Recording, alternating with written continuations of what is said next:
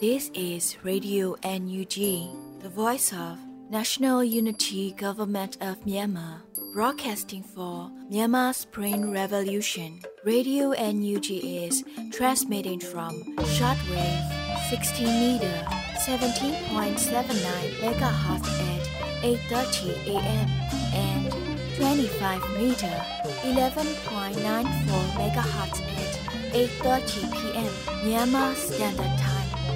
မင်္ဂလာပါရှင်။အမျိုးသားညီညွတ်ရေးအစိုးရရဲ့အတန်လွတ်ဌာန Radio NUG ကိုမန္တပိုင်း၈နိုင်ခွဲမှာလိုင်းတူ6မီတာ19.3ခွန်ကုန်းမဂါဟတ်စ်နဲ့ညပိုင်း၈နိုင်ခွဲမှာလိုင်းတူ25မီတာ17.6မဂါဟတ်စ်တို့မှာဓာတ်ရိုက်ဖမ်းယူနားဆင်နိုင်ပါပြီရှင်။မင်္ဂလာအပေါင်းနဲ့ပြည့်စုံကြပါစေ။အခုချိန်ကစပြီး Radio NUG စီစဉ်လေးကိုဓာတ်ရိုက်အတန်းလွှင့်ပေးနေပါပြီ။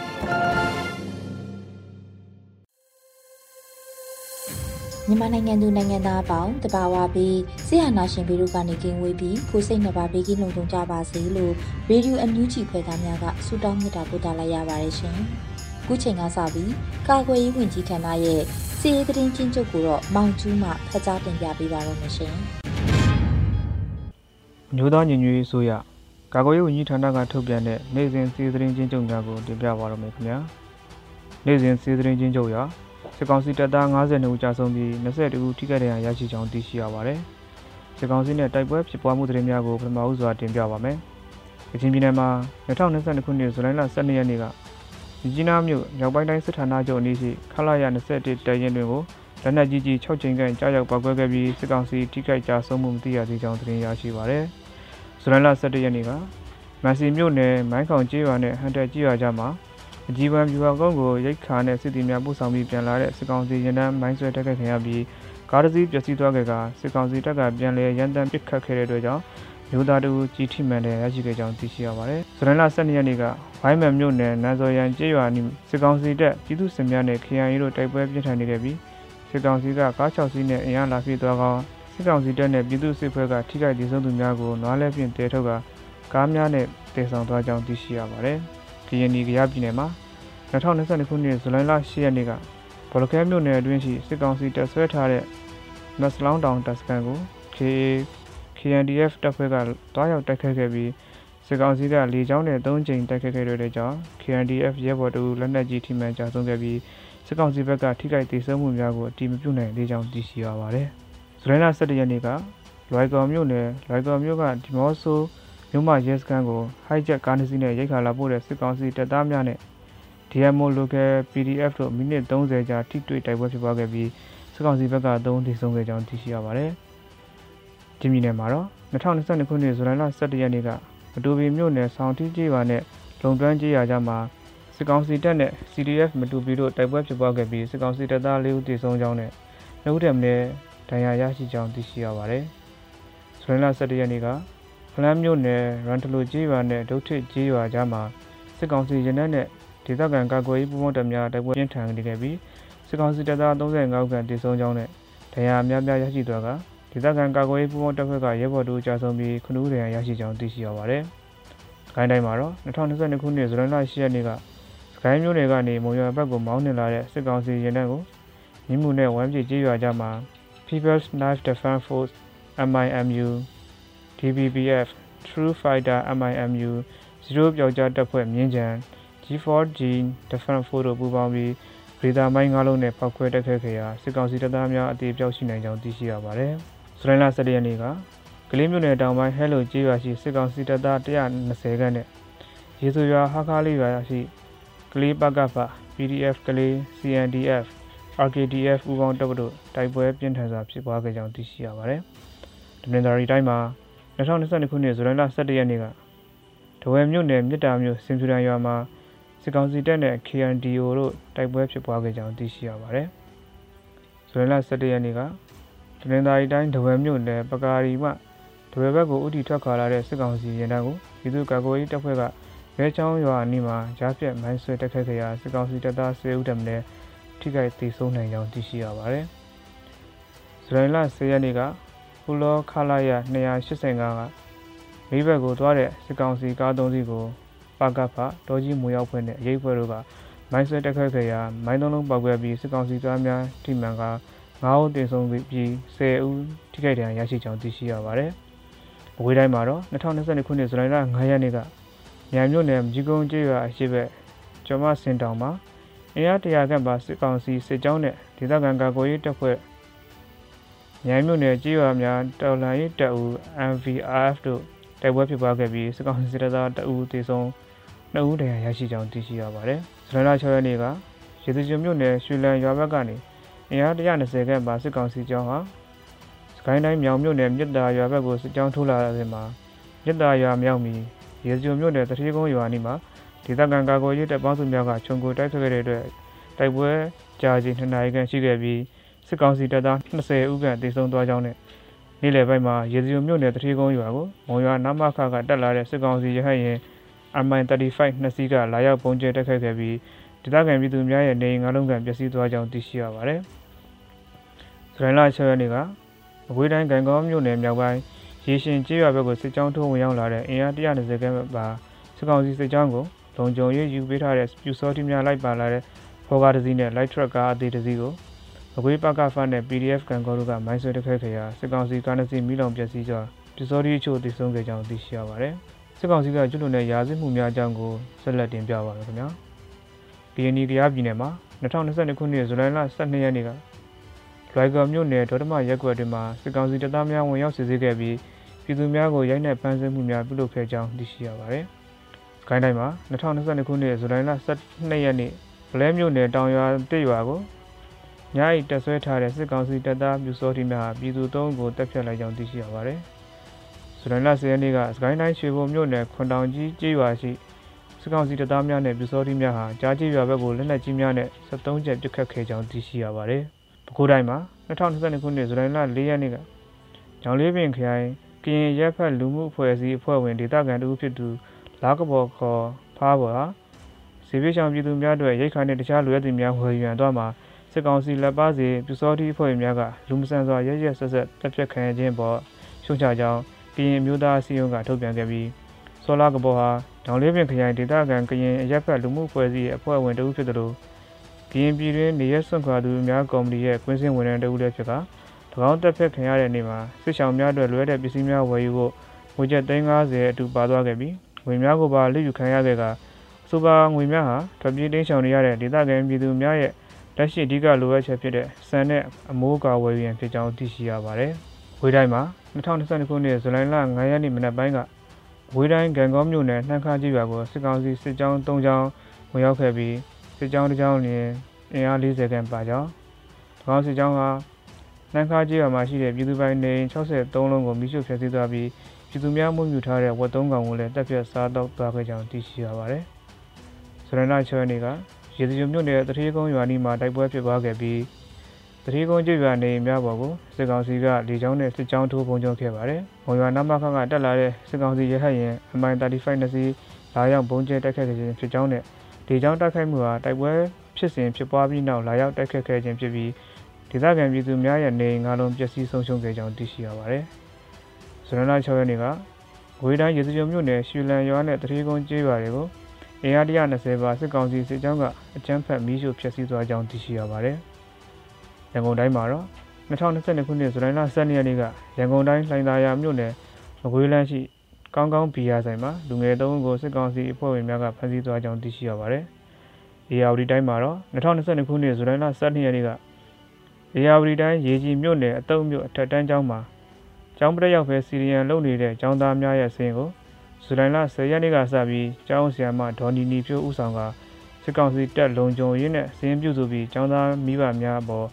ခေါ်ယူဖိအားပေးနေကြောင်းသိရှိရပါတယ်။အခုတင်ပြခဲ့တဲ့နေ့စဉ်စီးသတင်းချင်းကြုံများကို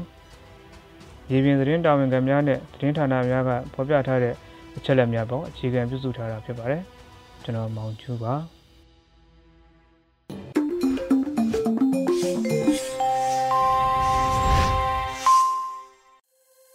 ရေဒီယိုညူချီမှာဆက်လက်တင်ပြနေပါတယ်။အခုဆက်လက်ပြီးနောက်ဆုံးရသတင်းများကိုအရီမှဖတ်ကြားတင်ပြပေးပါရမရှင်။မင်္ဂလာပါရှင်အခုချိန်ကစပြီး Radio NUG မနက်ခင်းသတင်းတွေကိုတင်ပြပေးတော့မှာဖြစ်ပါတယ်ကျွန်မကတော့ Airy ပါရှင်ပထမဆုံးအနေနဲ့နဝတခင်မှာတစ်တော်ပြုံးတီးတာထက်မင်းအောင်လှိုင်ကပိုဆိုးနေတယ်လို့ယာယီသမရာကြီးဒူဝါလက်ရှိလာပြောကြားလိုက်တဲ့သတင်းကိုတင်ပြပေးပါမယ်။ ဇူလိုင်လ12ရက်နေ့မှာကျင်းပပြုလုပ်ခဲ့တဲ့အမျိုးသားညီညွတ်ရေးအစိုးရ62ကြိမ်မြောက်အစိုးရအဖွဲ့အစည်းအဝေးမှာယာယီသမရဒူဝါလက်ရှိလာကနဝတခင်မှာတစ်တော်ပြုံးတီးတာထက်မင်းအောင်လှိုင်ကပိုဆိုးနေတယ်လို့ပြောဆိုလိုက်ပါတယ်။ရင်းနှီးမြှုပ်နှံမှုနဲ့တစ်တော်ပြုံးနှီးမှုတွေကနဝတခင်မှာတော်တော်လေးပြုံးတီးသွားတယ်။အဲ့ဒီလူတွေထက်ပိုးပိုဆိုးတာကမင်းအောင်လှိုင်ဖြစ်တယ်။ရာသီဥတုပြောင်းလဲတာကိုပြည်သူတွေစိုးဝါးစွာခံစားနေရတယ်။ဒီနေ့အမျိုးသားညီညွတ်ရေးအစိုးရကဒါတွေကိုပြုပြင်ထိန်းသိမ်းမှုတာဝန်ဝတ္တရားရှိတယ်လို့ယာယီသမရကပြောကြားခဲ့တာပါ။ လက်ရှိမှာကချင်ပြည်နယ်နဲ့စကိုင်းတိုင်းတို့မှာတရားမဝင်တစ်ခိုးထုတ်မှုတွေပုံမှုများပြားလာနေတာလည်းဖြစ်ပါတယ်ရှင်။ဆက်လက်ပြီးအိန္ဒိယနိုင်ငံသား2ဦးအသက်ခံရမှုကိုပြည်ထောင်စုဝန်ကြီးဌာနကစနစ်တကျစုံစမ်းမှုပြည်ထောင်စုဝန်ကြီးချုပ်မှာကြားလိုက်တဲ့သတင်းကိုတင်ပြပေးပါမယ်။အစိုးရအဖွဲ့အစည်းအဝေးကျင်းပရမှာပြည်ထောင်စုဝန်ကြီးချုပ်ကအိန္ဒိယနိုင်ငံသား2ဦးအသက်ခံရမှုကိုပြည်ထောင်စုဝန်ကြီးဌာနကစနစ်တကျစုံစမ်းဖို့ညွှန်ကြားလိုက်ပါတယ်။ တမူးမြို့မှာအိန္ဒိယနိုင်ငံသား2ဦးတပ်ဖြတ်ခံရတဲ့ကိစ္စနဲ့ပတ်သက်ပြီးလဲအခြေခံအချက်လက်တွေချက်ချင်းစုံစမ်းပြီးကျွန်တော်တို့ထုတ်ပြန်ကြေညာချက်တစ်စောင်ထုတ်ခဲ့ပြီးဖြစ်ပါတယ်။ဒီဖြစ်ရပ်ကိုကျူးလွန်သူတွေကပြူစောတိအဖွဲ့ဝင်တွေဖြစ်တယ်လို့တမူးမြို့နဲ့မိုးရေးမြို့မှာနေထိုင်ကြတဲ့ပြည်သူတွေကသိနေကြပေမဲ့စစ်ကောင်စီရဲ့ပြောရေးဆိုခွင့်ရှိသူစောမင်းထွန်းကဒီဖြစ်ရပ်ကိုကျူးလွန်သူတွေဟာပြည်သူ့ကာကွယ်ရေးတပ်ဖွဲ့ဝင်တွေဖြစ်တယ်လို့သတင်းစာရှင်းလင်းပွဲမှာဆွဆွဲထားပြီးပြောင်းလဲလဲညင်းဆိုထားပါတယ်။တကယ်တော့ပြူစောတိအပါဝင်စစ်ကောင်စီတပ်ဖွဲ့ဝင်တွေ စစ်ကောင်စီလက်အောက်ခံရဲတပ်ဖွဲ့ဝင်တွေဟာမြန်မာနိုင်ငံအနှံ့အပြားမှာဥပဒေမဲ့ဖမ်းဆီးချုပ်နှောင်ခြင်းလူမဆန်ရက်ဆက်စွာနှိပ်စက်တပ်ဖြတ်ခြင်းတွေကိုအယက်သားပြည်သူတွေပေါ်ပြုကျင့်လျက်ရှိနေပါတယ်လို့ဝန်ကြီးချုပ်ကဆိုပါတယ်။အိန္ဒိယနိုင်ငံသား2ဦးတပ်ဖြတ်ခံရမှုကိုပြည်ထရေးဝန်ကြီးဌာနကဦးဆောင်ပြီးစနစ်တကျစီမံဆောင်ရွက်စေခြင်းကြောင့်တမူးရှိပအဖပကဖတွေနဲ့တွေ့ဆုံပြီးအမှုကိစ္စအတွက်ဆက်လက်စုံစမ်းဆောင်ရွက်ခါလိုအပ်ပါကတရားရေးနဲ့ပူးပေါင်းဆောင်ရွက်ဖို့လည်းဝန်ကြီးချုပ်ကထပ်လောင်းပြောကြားခဲ့ပါတယ်ရှင်။ စစ်ရေးအရှိန်ကိုတနိုင်ငံလုံးအတိုင်းအတာနဲ့မြင့်တင်နိုင်မှုလိုအပ်တယ်လို့ပြည်ထောင်စုဝန်ကြီးချုပ်ပြောကြားလိုက်တဲ့တဲ့တင်ကိုဆက်လက်တင်ပြပေးပါောင်းမယ်။စစ်ရေးအရှိန်ကိုတနိုင်ငံလုံးအတိုင်းအတာနဲ့မြင့်တင်မှုလိုအပ်တယ်လို့ပြည်ထောင်စုဝန်ကြီးချုပ်မန်ဝင်းခိုင်တန်းကအစိုးရအဖွဲ့အစည်းအဝေးမှာပဲပြောဆိုခဲ့တာပါ။စစ်ကောင်စီရဲ့အခြေအနေဟာတနေ့ထက်တနေ့ဖက်ပေါင်းဆောင်ကယိုရင်းလာတာကို သူတို့သွေးယူသေးတဲ့နေ့စဉ်ပြောဆိုနေတဲ့စကားတွေလောက်ရက်တွေကိုကြည့်ရင်သိနိုင်မှာဖြစ်ပါတယ်။ဒါကြောင့်အမျိုးသားညီညွတ်ရေးအစိုးရအဖွဲ့အပါအဝင်တော်လှန်ရေးအင်အားစုတွေဟာနေ့စဉ်နိုင်ငံရေးအခြေအနေတွေကိုလည်းစောင့်ကြည့်ပြီးလှုပ်ဆောင်ရမှာတွေလှုပ်ဆောင်တင်တာတွေကိုအချိန်နဲ့တပြေးညီစီမံဆောင်ရွက်ကြဖို့လိုအပ်ပါတယ်။တစ်ဖက်ကလည်းစီရေးအချိန်ကိုတနိုင်ငံလုံးအတိုင်းအတာနဲ့မြင့်တင်နိုင်မှုလိုအပ်ပါတယ်လို့ဝန်ကြီးချုပ်ကဆိုတာပါ။စစ်ကောင်စီတပ်တွေကိုခုခံတွန်းလှန်တိုက်စစ်ဆင်မှု2021ခုနှစ်စက်တင်ဘာလ9ရက်နေ့မှာအမျိုးသားညီညွတ်ရေးအစိုးရကကြေညာခဲ့တာဖြစ်ပါတယ်ရှင်။ ပြည်သူ့ရဲတပ်ဖွဲ့အဖွဲ့ဝင်တွေအတွက်အရေးချင်းစစ်ဆေးရေးကော်မတီတရက်ဖွဲ့စည်းမယ်ဆိုတဲ့သတင်းကိုလည်းဆက်လက်တင်ပြပေးပါဦးမယ်။ပြည်သူ့ရဲတပ်ဖွဲ့အဖွဲ့ဝင်တွေအတွက် အရေးချင်းစစ်ဆေးရေးကော်မတီတရက်ဖွဲ့စည်းသွားမယ်လို့အမျိုးသားညီညွတ်ရေးအစိုးရအဖွဲ့62ကြိမ်မြောက်အစိုးရအဖွဲ့အစည်းအဝေးမှာပြည်ထရေးနဲ့လူဝင်မှုကြီးကြပ်ရေးဝန်ကြီးဌာနကတင်ပြခဲ့ပါတယ်။အစည်းအဝေးမှာပြည်ထရေးနဲ့လူဝင်မှုကြီးကြပ်ရေးဝန်ကြီးဌာနကပြည်သူ့ရဲတပ်ဖွဲ့အဖွဲ့ဝင်တွေအတွက်အရေးချင်းစစ်ဆေးရေးကော်မတီဖွဲ့စည်းခြင်းကိစ္စရပ်ကိုအတည်ပြုဖို့တင်ပြခဲ့ပါတယ်။အမျိုးသားညီညွတ်ရေးအစိုးရပြည်ထရေးဝန်ကြီးအမိန့်နဲ့ရဲချုပ်ရုံအပါအဝင်ရဲတပ်ဖွဲ့နဲ့ရဲစခန်းတွေဖွဲ့စည်းခြင်းကိုဇွန်လ30ရက်နေ့မှာအမိန့်ကြေညာစာထုတ်ပြန်ခဲ့ပါတယ်။ဆက်လက်ပြီးရဲတပ်ဖွဲ့ဝင်တစ်တီတာဝန်ပေးအပ်နိုင်မှုကနေတော်လန်ရေးကိုအရှိန်မြင့်တင်ဆောင်ရွက်မယ်လို့ပြည်ထောင်ဝင်ကြီးဦးလွင်ကိုလက်ကပြောကြားခဲ့ပါတယ်။အစည်းအဝေးမှာပြည်ထောင်စုဝန်ကြီးဦးလွင်ကိုလက်ကပြည်သူ့ရဲတပ်ဖွဲ့ဝင်တွေအတွက်အရေးချင်းစစ်ဆေးရေးကော်မတီဖွဲ့စည်းနိုင်ရေးတင်ပြဆွေးနွေးခဲ့ပါတယ်။ပြည်ထောင်စုဝန်ကြီးရဲ့တင်ပြချက်အပေါ်တက်ရောက်လာကြတဲ့အစိုးရအဖွဲ့ဝင်တွေကဝိုင်းဝန်းဆွေးနွေးအကြံပြုခဲ့ကြပါတယ်။ရင်းအကြံပြုချက်တွေကိုထည့်သွင်းပြီးမကြမီမှာအဆိုပါအရေးချင်းစစ်ဆေးရေးကော်မတီကိုဖွဲ့စည်းကြောင်းထုတ်ပြန်သွားမှာဖြစ်တယ်လို့သိရပါတယ်။ ကော်မတီဖွဲ့စည်းပြီးတာနဲ့ NUG ရဲ့အထူးအုပ်ချုပ်ရေးဒေသတွေမှာမြို့နယ်ရဲတပ်ဖွဲ့တွေဖွဲ့စည်းဆောင်ရွက်ပြီးလူမှုဘဝလုံခြုံရေးနဲ့တရားဥပဒေစိုးမိုးရေးလုပ်ငန်းတွေအကြမ်းဖက်စစ်ကောင်စီရဲ့ဖက်စစ်အကြမ်းဖက်လုပ်ရက်တွေကိုတရားဥပဒေနဲ့အညီအရေးယူပြစ်ဒဏ်ချမှတ်သွားနိုင်ရေးကိစ္စတွေကိုအာသွန်ခွန်ဆိုင်ကြိုးပမ်းဆောင်ရွက်သွားမှာဖြစ်တယ်လို့သတင်းရရှိပါရရှင်။ဆက်လက်ပြီး NUG အစိုးရပညာရေးဝန်ကြီးဌာနရဲ့စကိုင်းတိုင်းဒေသကြီးကျောင်းဖွင့်ပွဲအခမ်းအနားကိုအောင်မြင်စွာကျင်းပနိုင်ခဲ့တဲ့တဲ့တင်ကိုတင်ပြပေးပါမယ်။ ဇူလိုင်လ12ရက်နေ့က Next Generation Hope ရဲ့ဖော်ပြချက်အရ NUG အစိုးရပညာရေးဝန်ကြီးဌာနရဲ့စကိုင်းတိုင်းဒေသကြီးကျောင်းဖွင့်ပွဲအခမ်းအနားကိုအောင်မြင်စွာကျင်းပပြုလုပ်နိုင်ခဲ့တယ်လို့သိရှိရပါတယ်။ NUG အစိုးရပညာရေးဝန်ကြီးဌာနစကိုင်းတိုင်းဒေသကြီးကျောင်းဖွင့်ပွဲအခမ်းအနားအောင်မြင်စွာဖွင့်လှစ်ပြီးစီကြောင်းပြည်သူများထံအသိပေးပါတယ်လို့ဆိုပါတယ်။စကိုင်းတိုင်းကရင်းမဲ့ပင်မြို့နယ်မှာပြည်သူပညာရေးကျောင်းပေါင်း80ကျော်ဖွင့်လှစ်ထားရှိပြီးမိုးရသည့်အားကစားပြိုင်ပွဲကိုပင်ကျင်းပပေးနိုင်ခဲ့တာလည်းဖြစ်ပါတယ်ရှင်။ ဆက်လက်ပြီး Venom စစ်ကြောင်းကို Sniper တက်လက် N4 တက်လက်နဲ့ကြီးရီလက်ဝယ်ရောက်ရှိတယ်ဆိုတဲ့သတင်းကိုလည်းတင်ပြပေးပါမယ်။ဇူလိုင်လ12ရက်နေ့မှာ Venom စစ်ကြောင်းကစနိုက်ပါတက်လက် M4 တက်လက်နဲ့ကြီးတွေလက်ဝယ်ရောက်ရှိခဲ့တယ်ဆိုပြီးလက်နက်တွေလက်ဝယ်ရရှိကြောင်းကျေးဇူးတင်စကားပြောဆိုခဲ့ပါတယ်။ မိဘပြည်သူများမှကိုပိုင်ချွေးနှဲစာဖြင့်အခက်အခဲများကြားမှကလူရန်ပေးသောအလှငွေများပုံတရံတစ်ခုစီသို့ပြောင်းလဲကကျွန်တော်တို့ဤလက်ဝဲသို့ရောက်ရှိလာခဲ့ပါပြီ။စနိုက်ပါတက်လက် N4 တက်လက်နဲ့ကြီးများလက်ထဲရောက်ရှိလာပါပြီလို့ဆိုပါတယ်။ Venom စစ်ကြောင်းမှာလူငယ်အများစုပါဝင်ပြီးဥက္ကဋ္ဌစကန်သိန်းတိုက်ပွဲမှာပူးပေါင်းစစ်ကြောင်းဖြစ်ပါဝင်ခဲ့တာလည်းဖြစ်ပါတယ်ရှင်။ဆက်လက်ပြီးမြရီဝေါ်လီကားလမ်းမော်ရှိတုံးတက်ကွေနဲ့တရက်တပင်ရွာနာမှာတမ44လက်အောက်ခံခလာရ8စစ်ကြောင်းနဲ့ ကော့ဘရာစစ်ကြောင်းတို့ပြင်းထန်စွာတိုက်ပွဲဖြစ်ပွားပြီးစစ်ကောင်စီဘက်ကတရင်မှုအပါအဝင်အများအပြားတိုက်ဆုံခဲ့တဲ့ဆိုတဲ့သတင်းကိုတင်ပြပေးပါမယ်။ဇူလိုင်လ12ရက်နေ့မနက်6နာရီမိနစ်20အချိန်ခန့်ကနေစတင်ပြီးမြရီဝေါ်လီကားလမ်းပေါ်ရှိသုံးထပ်ကွေးနဲ့တရက်တပင်ရွာကြားမှာတမ44လက်အောက်ခံခလာရ8စစ်ကြောင်းနဲ့ကော့ဘရာစစ်ကြောင်းတို့ပြင်းထန်စွာတိုက်ပွဲဖြစ်ပွားခဲ့ပြီးစစ်ကောင်စီဘက်ကတရင်မှုအပါအဝင်အများအပြားတိုက်ဆုံခဲ့တယ်လို့ကော့ဘရာစစ်ကြောင်းကဆိုပါတယ်။ ကင်းအမျိုးသားအစည်းအရုံးအုပ်ချုပ်နေမြေတပ်မဟာ6မြောက်ရီဝေါ်လီကားလမပေါ်ရှိသုံးထက်ကွေနဲ့တရက်တပင်ရွာကြားနေရာတစ်ခုတွင်အကြမ်းဖက်စစ်ကောင်စီတပ်မ44လက်အောက်ခံခလာရ8စစ်ကြောင်းနဲ့ကော့ဘရာစစ်ကြောင်းတို့ဇူလိုင်လ12ရက်နေ့ယနေ့မနက်6နာရီမိနစ်20အချိန်ခန့်မှာစတင်၍တိုက်ပွဲဖြစ်ပွားခဲ့ပါတယ်လို့ကော့ဘရာစစ်ကြောင်းကဖော်ပြပါတယ်။တိုက်ပွဲမှာအကြမ်းဖက်စစ်ကောင်စီရဲ့ခလာရ8စစ်ကြောင်းကတရင်မှု ဒုတရင်မှုတို့အပါအဝင်အရာရှိတွေနဲ့တပ်သားအများအပြားတေဆုံးပြီးတရင်ဖွဲ့စည်းပုံပြက်သည့်အထိတေကျေပျက်စီးထင်ရများရရှိခဲ့တယ်လို့သိရှိရပါတယ်။ကော့ဘရာစစ်ကြောင်းဘက်ကနေမြေရှင်းလင်းရေးပြုလုပ်နေဆဲဖြစ်ပြီးကော့ဘရာစစ်တီတွေဘက်က3ဦးသာပွန်ပက်တရားရရှိခဲ့ပါတယ်။ကော့ဘရာစစ်တီတွေဘက်ကနေမြေရှင်းလင်းရေးဆောင်ရွက်လျက်ရှိနေပြီးလက်နက်ခဲယမ်းတွေတင်စီရမိရမှာ RPG အသီး26လုံး RPG ပို့ရန်22တောင်ရှေ့ထွက်မိုင်း1လုံးနင်းမိုင်း22လုံးနဲ့လက်ပစ်ပုံ18လုံး MA1 တလက် 40မမ30လုံး60မမ29လုံးနဲ့ဆက်လက်ကြီး3000အစရှိတဲ့ပစ္စည်းများပြားစွာတင်စီရမိခဲ့တယ်လို့သတင်းရရှိပါရရှင်။ဆက်လက်ပြီးရောဒေတာပြည်သူ့ကာကွယ်ရေးတပ်ကပုံနာပုံညာဒေတာတိုက်ပွဲတွေမှာစစ်ကောင်စီတပ်ဖွဲ့ဝင်တရားကျော်ကိုရှင်းလင်းနိုင်ခဲ့တဲ့ဆိုတဲ့သတင်းကိုတင်ပြပေးပါမယ်။ ဇူလိုင်လ12ရက်နေ့ရောဒေတာပြည်သူ့ကာကွယ်ရေးတပ်ဖွဲ့ရဲ့စစ်ရေးသတင်းထုတ်ပြန်ချက်အရရောဒေတာပြည်သူ့ကာကွယ်ရေးတပ်ကပုံနောင်ပုံညာဒေတာတိုက်ပွဲတွေမှာစစ်ကောင်စီတပ်ဖွဲ့ဝင်တရားကျော်ကိုရှင်းလင်းနိုင်ခဲ့တယ်လို့သိရှိရပါတယ်။ရောဒေတာပြည်သူ့ကာကွယ်ရေးတပ် YDF ကျော်ဟာရောဒေတာပြည်သူ့ကာကွယ်ရေးတပ် YDF ရဲ့လက်အောက်ခံတပ်ဖွဲ့တစ်ခုဖြစ်ပြီးစစ်အာဏာရှင်ပြုတ်ကျရေး Federal Democracy စနစ်ပေါ်ပေါက်ရေးအတွက်ဒီဇိုင်းမမတ်လှုပ်ဆောင်နေတဲ့အဖွဲ့အစည်းတစ်ခုဖြစ်ပါတယ်။ပုံနာပုံညာဒေတာတွေမှာတိုက်ပွဲများစွာဖော်ဆောင်ခဲ့ပြီး ထိတွေ့တိုက်ပွဲတွေအတွင်းမှာစစ်ကောင်စီတပ်သား100ကျော်ကိုတုတ်တင်ရှင်းလင်းနိုင်ခဲ့ပါတယ်လို့ဖော်ပြထားပါတယ်။ YDF ကြောတပ်ဖွဲ့ဝင်တွေဟာပြည်သူကပေါက်ဖွာလာတဲ့ပြည်သူရဲဘော်တွေဖြစ်တဲ့အတွက်ကောင်းကြီးဆိုးခြင်းတွေကိုအမှန်တိုင်းထောက်ပြဝေဖန်နိုင်ပြီး YDF ကြောကာကွယ်ရေးတပ်ဖွဲ့ဆက်လက်ရည်တည်နိုင်ရေးအတွက်ဝိုင်းဝန်းပံ့ပိုးကူညီပေးကြဖို့လည်းအထူးအလေးထားတောင်းဆိုအပ်ပါတယ်လို့ထုတ်ပြန်ထားပါတယ်ရှင်။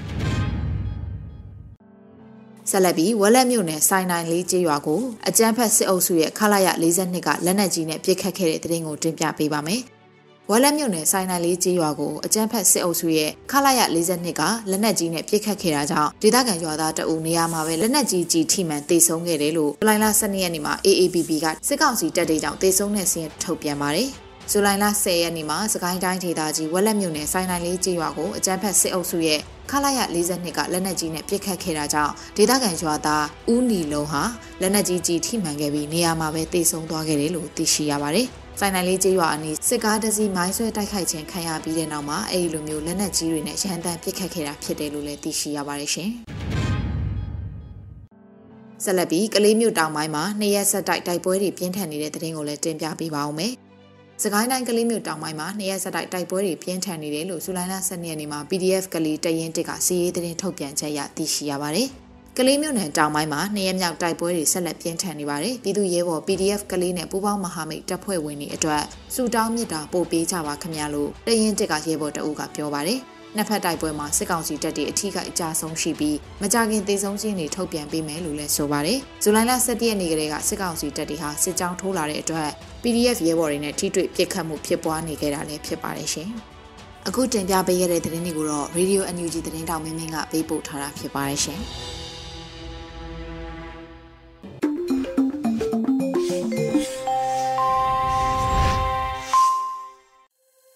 ရေဒီယိုအန်ယူဂျီရဲ့မနက်ခင်းစီစဉ်တွေကိုဆက်လက်တင်ပြနေပါတယ်။အခုတခါတော်လှန်ရေးတေဂီတာအနေနဲ့နိုင်ငံအတွက် PDF လို့အမည်ရတဲ့တေဂီတာကိုတေးရေးတေးဆို ကိုလူကျော်များအဖွဲ့ရဲ့တည်ဆူမှုကိုနားတော်တာဆင်ရတော့မှာဖြစ်ပါတယ်ရှင်။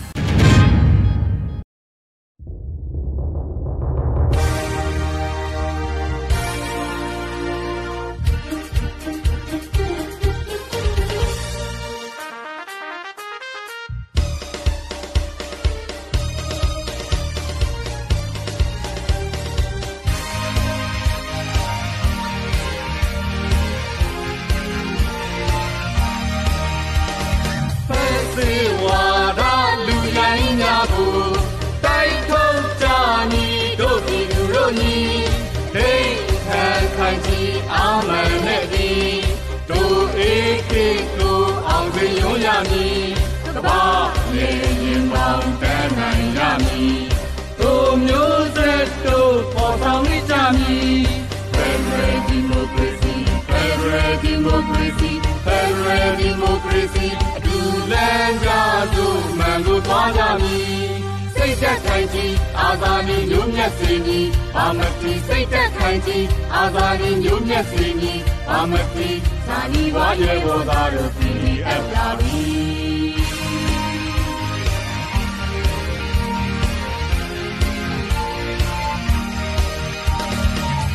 စီဝါရလူရိုင်းများကို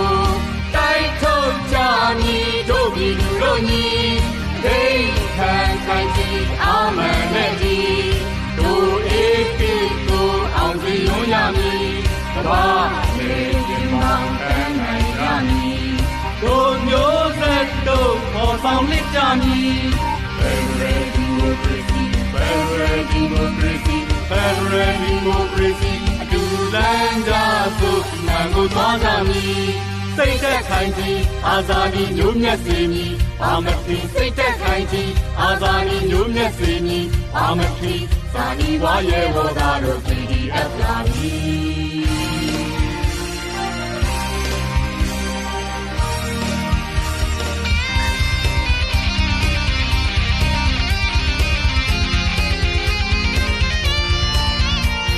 ဆွေးနေပြီ အားနေချီ PDF လာပြီလမ်းမှန်နေပြီဖြစ်ပြီးလည်းပြီကြိုးစားလို့အင်းကြီးကျူးတဲ့ကုန်ကြီးဆွမ်းအားကြီးကြီးနိုင်ငံသစ်ထူထောင်လည်းညီ PDF လာပြီအာနာရှင်တိုက်ထုံကြီး PDF လာပြီ CDM များအားပေးတာတီး ရာဇဝေတင်ရှာအချင်းတရားမြတ်နဲ့ပါကီနွယ်ဝါသာနီကနေပြီဖြစ်စေရမည်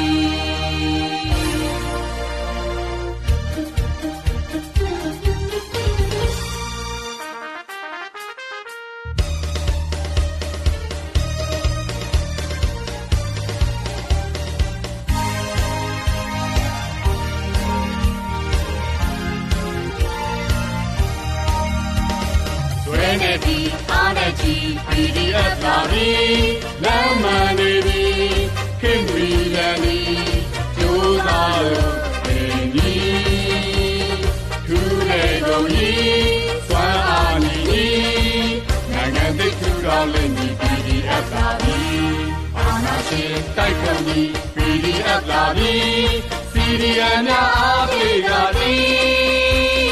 ရာဇဝေထင်ရှားခြင်းတရားမြတ်နဲ့ပါဠိနွယ်ဝါသာရိကနေပြီဖြစ်စေရမည်တို့မျိုးတဲ့တို့မော်ဆောင်လက်ကြမည် Federal Democracy Federal Democracy Federal Democracy တူလန်း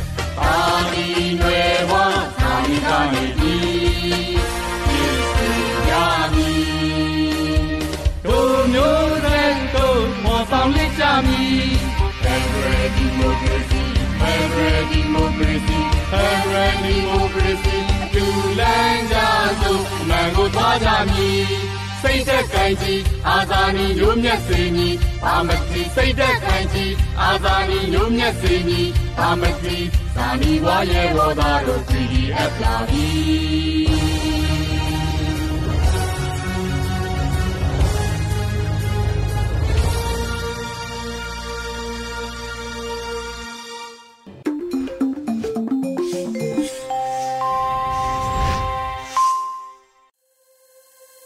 ရေဒီယိုအန်ယူဂျီမှာဆက်လက်တင်ပြနေပါတယ်။ အခုဆက်လက်ပြီးပြည်သူခုခံစစ်တရင်များကိုမျိုးဦးလိပ်ပြမှတင်ဆက်ပေးပါရမရှင်။ပထမဦးစွာထဝယ်ရင်စစ်ကြောင်းမြစ်စီရင်တန်းမိုင်းဆွဲတိုက်ခိုက်ခံရတဲ့သတင်းတင်ဆက်ပါမယ်။တနင်္လာရီတိုင်းထဝယ်မြို့နယ်မဲချောင်းရွာအနီးစစ်ကား15စီးပါစစ်တပ်ရင်တန်းကိုယနေ့ဇူလိုင်လ17ရက်နေ့ညနေ3:30မိနစ်တွင်ထဝယ်ပြည်သူ့ကာကွယ်ရေးတပ်ဖွဲ့အေဒင်မှု ရဲဘော်များကမိုင်းဆွဲတိုက်ခိုက်ခဲ့ပြီးစစ်သား10ဦးခန့်သေဆုံးခဲ့ကြောင်းသိရှိရပါတယ်။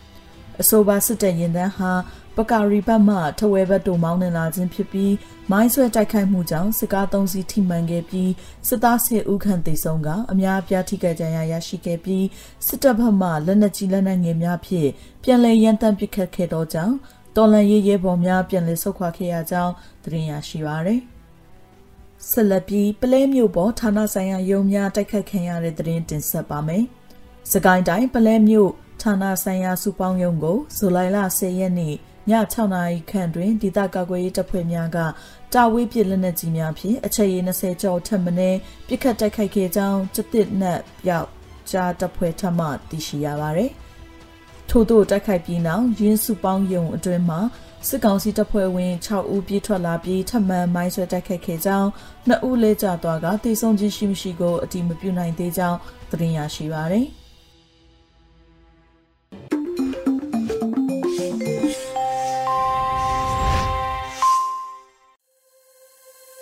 ဗီဒီယိုအန်ယူဂျီရဲ့မနက်ခင်းစီစဉ်တွေကိုဆက်လက်တင်ပြနေပါတယ်။အခုနောက်ဆုံးနားဆင်ကြရမှာကတော့ PPTV ရဲ့နေ့စဉ်သတင်းများကိုထက်ထက်အင်္ဂရာအောင်မှဖတ်ကြားတင်ပြပေးပါမယ်ရှင်။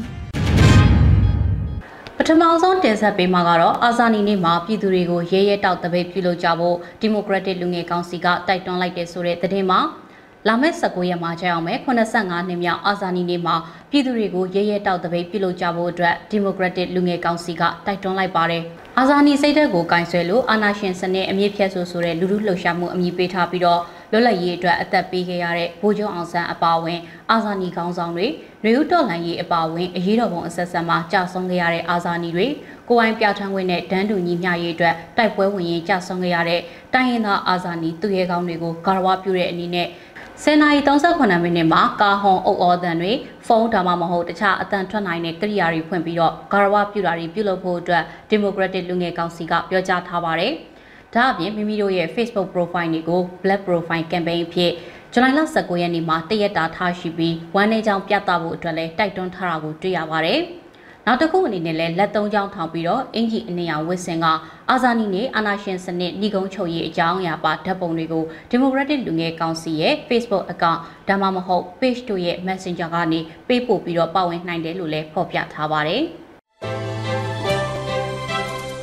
အခုတစ်ခါတင်ဆက်ပေးမှာကတော့ချင်းရင်းမြစ်အနောက်ဘက်ကန်ဒေသလူငယ်တပိတ်ကောင်းဆောင်တအုပ်ဖြစ်တဲ့ကိုဝင်းမိုးစောခေါ်အဝင်းလေးကိုအကြမ်းဖက်စစ်တပ်ကဇူလိုင်လ2ရက်မှာဗုဒ္ဓလင်းမြို့နယ်မောင်းထောင်ကျေးရွာအနီးမတရားဖမ်းဆီးလိုက်တယ်လို့အနောက်မြောက်လွင်ပြင်တပိတ်အင်အားစုကသတင်းထုတ်ပြန်ထားပါတယ်။ဖမ်းဆီးခံရပြီးတဲ့နောက်ကိုဝင်းမိုးစောကိုကုတော်ရဲစခန်းမှာစစ်ကြောရေးပြုလုပ်နေတယ်လို့သတင်းရရှိထားပြီးတော့ ဖမ်းဆီးခံရတဲ့ချိန်ကစပြီးယနေ့အချိန်ထိမိသားစုဝင်တွေစီကိုလုံးဝအဆက်အသွယ်မပြုလုပ်သေးဘူးလို့အနောက်မြောက်လွင်ပြင်တပိတ်အင်အားစုကဇူလိုင်လ17ရက်ရက်စွဲနဲ့သတင်းထုတ်ပြန်ထားပါတယ်။ဒါ့အပြင်ဖမ်းဆီးခံရတဲ့အချိန်မှာကျန်းမာရေးကောင်းမွန်လျက်ရှိပြီးတော့ဖမ်းဆီးခံရပြီးနောက်ဖြစ်လာမဲ့ကိစ္စရပ်တွေအလုံးအတွက်အကြမ်းဖက်စစ်ကောင်စီကတာဝန်ယူရမယ်လို့လည်းဖော်ပြထားပါတယ်။ဒါအပြင်ချင်းရင်းမြစ်အနောက်ဘက်ကန်ဒေသလူငယ်တပိတ်ကောင်ဆောင်ကိုဝင်းမိုးစောခေါ်အဝင်းလေးရဲ့အခြေအနေမှန်ကိုသိရှိနိုင်ရေး အတန့်အရဲ့ဘေးကင်းလုံခြုံမှုရှိရေးမိသားစုဝင်များမိတ်ဆွေများနဲ့အမြန်ဆုံးအဆက်အသွယ်ရရှိရေးတို့အတွက်အပြည်ပြည်ဆိုင်ရာချက်ချီနီကော်မတီ ICRC လူ့ခွင့်ရေးဆိုင်ရာအဖွဲ့အစည်းများရှင်းနေရှိရများတန်ယုံနဲ့တန်တမန်အဖွဲ့အစည်းများအပါအဝင်တက်ဆွမ်းနိုင်သူများအနေနဲ့အရေးပေါ်ကြားဝင်ကူညီဆောင်ရွက်ပေးဖို့အတွက်လည်းအထူးလေးနက်စွာမြစ်တာရက်ခံကူညီတောင်းထားတာကိုတွေ့ရပါတယ်။ဒီကနေ့ကတော့ဒီညနေပဲ Radio NUG ရဲ့အစီအစဉ်လေးကို ခေတ္တရနာလိုက်ပါမယ်ရှင်မြန်မာစံတော်ချိန်မနေ့၈နိုင်ခွဲနဲ့ည၈နိုင်ခွဲအချိန်တွေမှာပြောင်းလဲဆိုပြကြပါလို့ရှင် Radio NUG ကိုမနေ့ပိုင်း၈နိုင်ခွဲမှာလိုင်းတူ16မီတာ19.7ခုခုမဂါဟတ်နဲ့ညပိုင်း၈နိုင်ခွဲမှာလိုင်းတူ25မီတာ17.6မဂါဟတ်တို့မှာဓာတ်ရိုက်ဖမ်းယူနားဆင်နိုင်ပါပြီရှင် မြန်မာနိုင်ငံသူနိုင်ငံသားများကိုစိတ်နှပြချမ်းမာချမ်းသာလို့ဘေးကင်းလုံခြုံကြပါစေလို့ Radio NUG ရဲ့ဖွဲ့သူဖွဲ့သားများကဆုတောင်းလိုက်ရပါတယ်။ San Francisco Bay Area အခြေစိုက်မြန်မာမိသားစုများ